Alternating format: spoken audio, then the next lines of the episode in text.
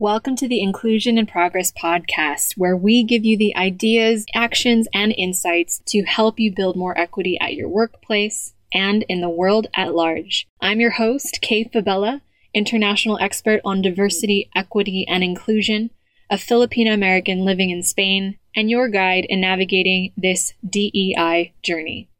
Having worked with teams at companies such as Philips, the IMF, Red Hat, PepsiCo, and more, I know firsthand that the work of inclusion only works when everyone has a seat at the table. Regardless of your personal entry point into this conversation, your race, ethnicity, gender, ability, age, sexual orientation, country of origin, or educational background, we all have a role to play in creating inclusion for all. And it starts with us having conversations we need to create the change we wish to see. So let's dive into today's episode.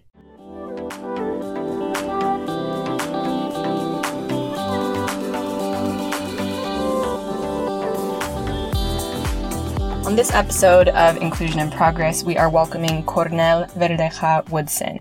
CEO and founder of Brave Trainings, a boutique consulting and training firm. He is also the director of diversity, equity, and inclusion at Headspace, the meditation app turned well-being platform that so many of us know and love, current company included. He has also been working to help organizations and their leaders develop cultures of belonging and equity for over 10 years. He lives in the Bay Area with his husband and their two dogs, London and Rome. We will be diving into mental health and equity and a lot of really cool topics on this episode, so please feel free to grab a pen and paper and get ready to take down your key insights. All right, let's dive into the episode. Hello, Cornell. Welcome to the show. Hello, hello. Thank you for having me. I have been looking forward to this for so long. And honestly, I've just loved watching your entire journey. First, obviously, with Brave Trainings, and now your work at Headspace. Thank you for having me. It's a real honor. Of course. As always, we start off these conversations just diving right into your story. The question used to be, How did you get into this work? And I'm realizing we've had to readjust that question to, How did this work find you? um, to think is a little more accurate. So if you want to walk us through the work that you're doing today. Yeah, I love this question. And I love how you framed it because, from my perspective, that is exactly what happened. DEI work found me. I never fathomed spending a career or spending my life because this is my life work. I wanted to be an OBGYN. I was pre med in college and wanted no to. way. Yes, wanted to deliver babies. And my goal was to cure cervical cancer and change the way doctors practice bedside manner, particularly for women. I was raised by all women and remember hearing about their horror stories of going into the doctor's office, particularly as women of color women of color in urban neighborhoods. One can mm-hmm. say that I've always had a inclusion lens, but never had the language for it.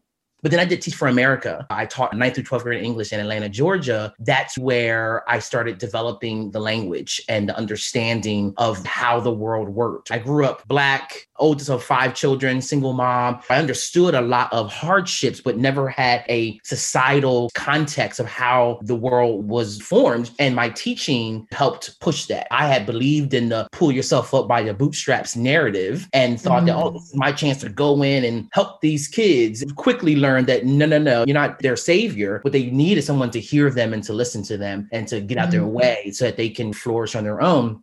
So that Teach for America experience was the first time DEI knocked on my door and said, Hey, let me introduce you to this work. And then I left Teach for America, did my two years. I had planned on staying longer, but didn't, and went to get, get a master's. My background is in higher education. My master's program at the University of Vermont was steeped in social justice pedagogy, reading bell hooks and Audre Lorde and all the heavy hitters around this work and beginning to then start teaching it. I started doing workshops and started helping to expand not only my own knowledge, but that of those around me and in the organizations that, that I was in. I just never left. There are days where I feel like I want to leave the field, but something pulls me right back in and reminds me, like, no, this is where the universe meant for you to be, and this is where you're going to be. I'm loving it, but then there are those days where you're like, oh my goodness, why, why, why? Oh gosh, even paradise has its downsides. Like, exactly. you've got and I love that. I think I did not know about the medical aspect to your story. My heart warms. How did you then transition into leading these conversations and on the front lines of what is now officially called DEI work now that it's in your title?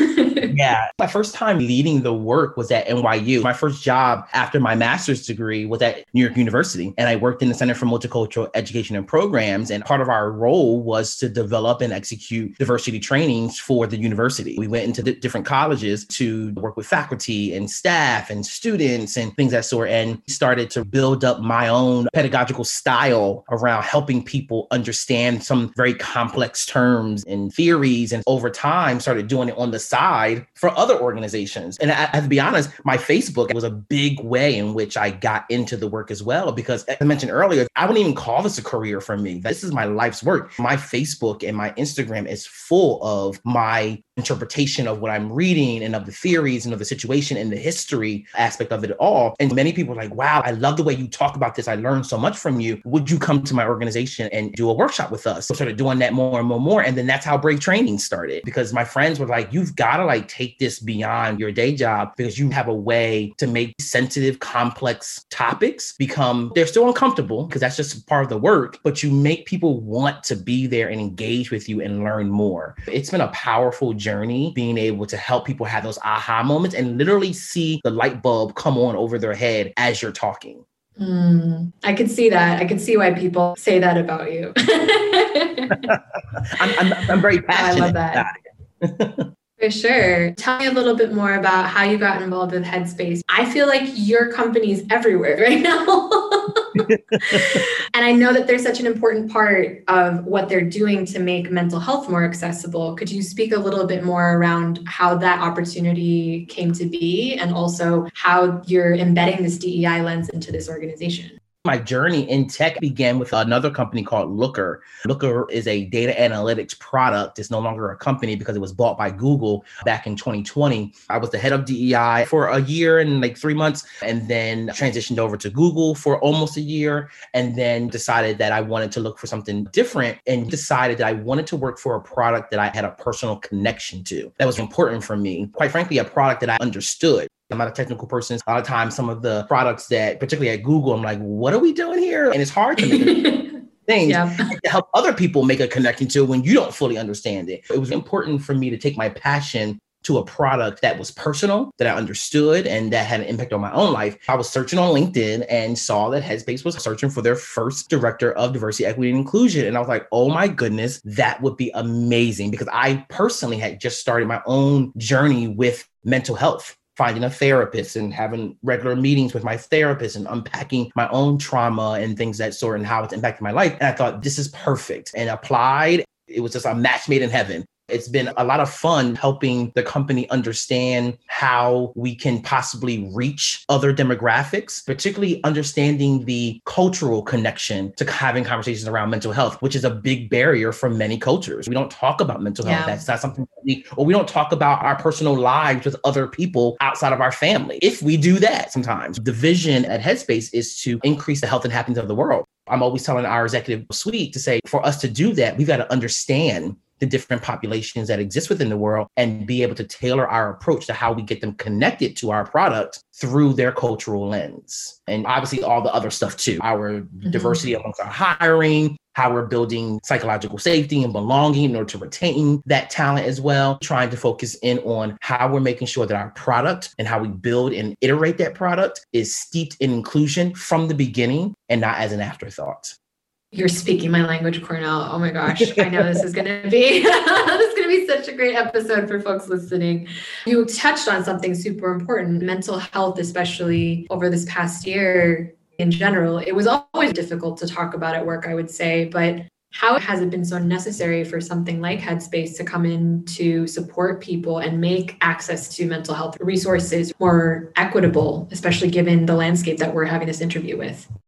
It's been very promising to watch the number of large organizations taking this conversation around mental health very seriously. Prior to the pandemic, most companies felt that the topic of mental health had its limits in terms of how we talked about it or when we talked about it in the workplace. This is the same issue around racism, sexism, and all these other social issues that we face the organization still has a hard time understanding why is it that we need to be talking about these things because these aren't workplace things and the pandemic forced them to recognize that, oh, no, no, no. While these things may be happening outside of the workplace, we also sometimes cause these things, we exacerbate these things. And whether or not we exacerbate these things or not, people don't leave their mental health concerns at the door when they come into the workplace or when we log into Zoom. It mm-hmm. impacts the work, it impacts how people show up. And ultimately, it impacts our bottom line. I hate that business case for diversity, business case for mental health conversation. The reality of it is, many of our organizations are still in that place. That's what gets them to move forward when they're seeing the trickle down domino effect of this issue that they may think is an external issue outside of their organizational bubble, but has vast and impactful consequences to the organization. Organizations understanding that are realizing, well, and have realized that, okay, we've got to do more. Headspace has seen that because we've gotten more enterprise partners who are just recognizing, like, well, you're a product that we want to make sure we're providing to our employees so that they have tools to be able to manage it. But again, organizations are coming to terms with what is our role in this? Yeah, we can't be people's therapists, but how do we make sure that we're doing our part to provide access to the tools that can empower people to manage self care? That's critical. Headspace at the top of the pandemic made every other Friday is a no meeting Friday, and then the other Friday is a day off, is a mind day. Wow. And so we essentially work on a four day work week because they realize that people have families, they have extra responsibilities now that everybody's at home having that one day where you're not in sitting in meetings to get things done. Be a little bit more fluid of bouncing around your day. There are times where I'll spend 30 minutes on a project and then go to do some laundry. This helps me be a little bit more productive. Headspace said, okay, we've got to make sure we're taking care of our employees if we want to make sure that they can show up in their best way. Oh, I love that so much. Whenever I hear stories of companies doing it right, I'm like, why don't more people know about this? And that's why we're having this conversation, Cornell. exactly. Exactly. I love it. And that naturally dovetails into companies that get it, that see business case or not. I need to prioritize my people. When we saw the literal lines between work and home be blurred completely. Could you speak a little bit more around we talk a lot about psychological safety when it comes to inclusion, but the idea of it being linked to mental health issues, specifically for people from marginalized groups who have to deal with the lack of or the tenuous psychological safety in their work environments. Could you speak from your experience of having worked in different companies now and how you've seen even that conversation evolve? Yeah, this is very similar to the one around mental health. Organizations still don't recognize just how impactful these issues, particularly around psychological safety, are on the workplace and still just mm-hmm. do not understand why it is imperative that they are actively a part of the solution. I forget what month it was during the pandemic when we lost 170,000 jobs, all lost by women predominantly women of color. That has everything to do with women being also mothers and the sole caregiver for their children and working and not feeling like the workplace created a fluid structure that allowed them to be able to handle, manage all of it and honor that. But also just the experience of just being a woman in the workplace and feeling like you're not wanted. That's what it comes down to is feeling like my presence here is not respected. It's not wanted. And many people are also realizing why am I allowing myself to remain where love is no longer served? To quote Maya Angelou, mm. right? when love is no longer served, you must get up from the table. And this pandemic gave people the aha moment of like, I have choices. And that's a part of also what the workplace is also recognizing is that now after this pandemic and people re- realizing that one remote work is an option people are like oh no longer do i feel like i have to stay here because the money or because of whatever reason if you're not going to treat me right, if you're not going to respect me as a person of color, as a queer person, as a woman, as a mother, as a parent, whatever that may be, I will go. It's a rude awakening for many organizations. The frustrating part for me is that part that I mentioned earlier is that just the organization's just not giving what I'm calling the authentic attention to the work. We've seen a lot of commitments to the work of psych safety and inclusion. It's all verbal commitment but there isn't a lot of authentic action being taken and mm consistent authentic action being taken to make sure that we're holding people accountable for creating cultures where marginalized groups, and I'm moving away from marginalized groups to historically excluded. Because like, let's talk about what it is. If we're not going to hold people accountable for creating cultures where historically excluded populations continue to be excluded, then we're a part of the problem. I'm optimistic that many organizations are finally recognizing that we have to do more, but I'm also wondering that once the pandemic is, and I'm putting quotations around over, do we return back to business as usual, which happens every single time around so many different issues? Black Lives mm-hmm. Matter was a big conversation. And the minute it dies down, we tend to go right back to business as usual. There's not a sustained effort to making sure that we're creating cultures of strong psych safety, particularly for marginalized groups. We've been touching on it by extension of the conversation around psychological safety and mental health for these groups, but it was the double slash triple whammy of race and violence and pandemic and mental health all in one over the past year. From what I'm hearing, it was easy for, especially in the wake of Ahmaud Arbery, Floyd, uh, Breonna Taylor, to just watch companies churn out these statements or senior leaders to come on the bandwagon, as it were, because of pressure from folks. But a year on, it sounds like from what you're saying, there hasn't been much in terms of consistent and authentic action and commitment related to those words. How big do you think that gap is still for a lot of companies?